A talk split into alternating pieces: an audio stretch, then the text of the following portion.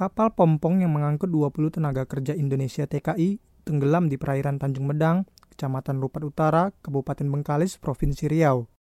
Kepala Basarnas Pekanbaru, Ishak mengatakan sedikitnya satu orang tewas dan sembilan orang lainnya masih hilang, sementara 10 penumpang lainnya berhasil menyelamatkan diri. Pencarian hari ini uh, satu orang ditemukan dalam kondisi meninggal dunia jenis kelamin perempuan.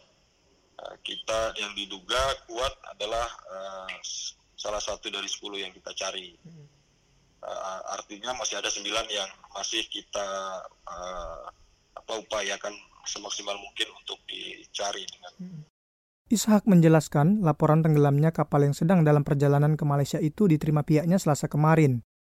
Informasi tersebut dilaporkan oleh nelayan yang menemukan 10 orang yang terapung-apung di perairan Tanjung Medang. Namun, Basarnas Pekanbaru tidak mengetahui pasti titik koordinat tenggelamnya kapal tersebut.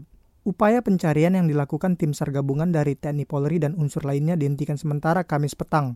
Dalam pencarian ini, Basarnas Pekanbaru dibantu dengan helikopter Super Puma milik TNI Angkatan Udara dan tim SAR Malaysia. Kita mencari di wilayah perairan negara masing-masing karena memang uh, radius dari area pencariannya memang cukup luas. Selanjutnya, pencarian penumpang kapal pompong dilakukan pada hari Jumat ini. Tim SAR gabungan akan fokus melakukan pencarian ke arah utara dari perairan Tanjung Medang. Sementara itu, Kapolres Bengkalis, AKBP Sigit Adi Wuryanto menduga 20 penumpang kapal itu merupakan TKI ilegal. Saat ini aparat kepolisian masih memburu tekong atau calo pengiriman TKI yang diduga terlibat dalam praktik TKI ilegal tersebut. Kalau dari interogasi para korban, iya mau ke Malaysia, mau jadi TKI. Nanti terhadap tekong kita temukan, ya jelas kalau ada korban yang meninggal, dia bisa kena pasal 359 KUHP.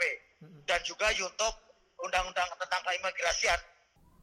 Tenggelamnya kapal bermuatan 20 penumpang tersebut membuktikan praktik gelap penyelundupan TKI ilegal masih marak terjadi. Terlebih Provinsi Riau di wilayah pantai timur Sumatera yang disinyalir banyak memiliki pelabuhan tikus non strategis untuk melancarkan aksi penyelundupan TKI ilegal ke negara tetangga.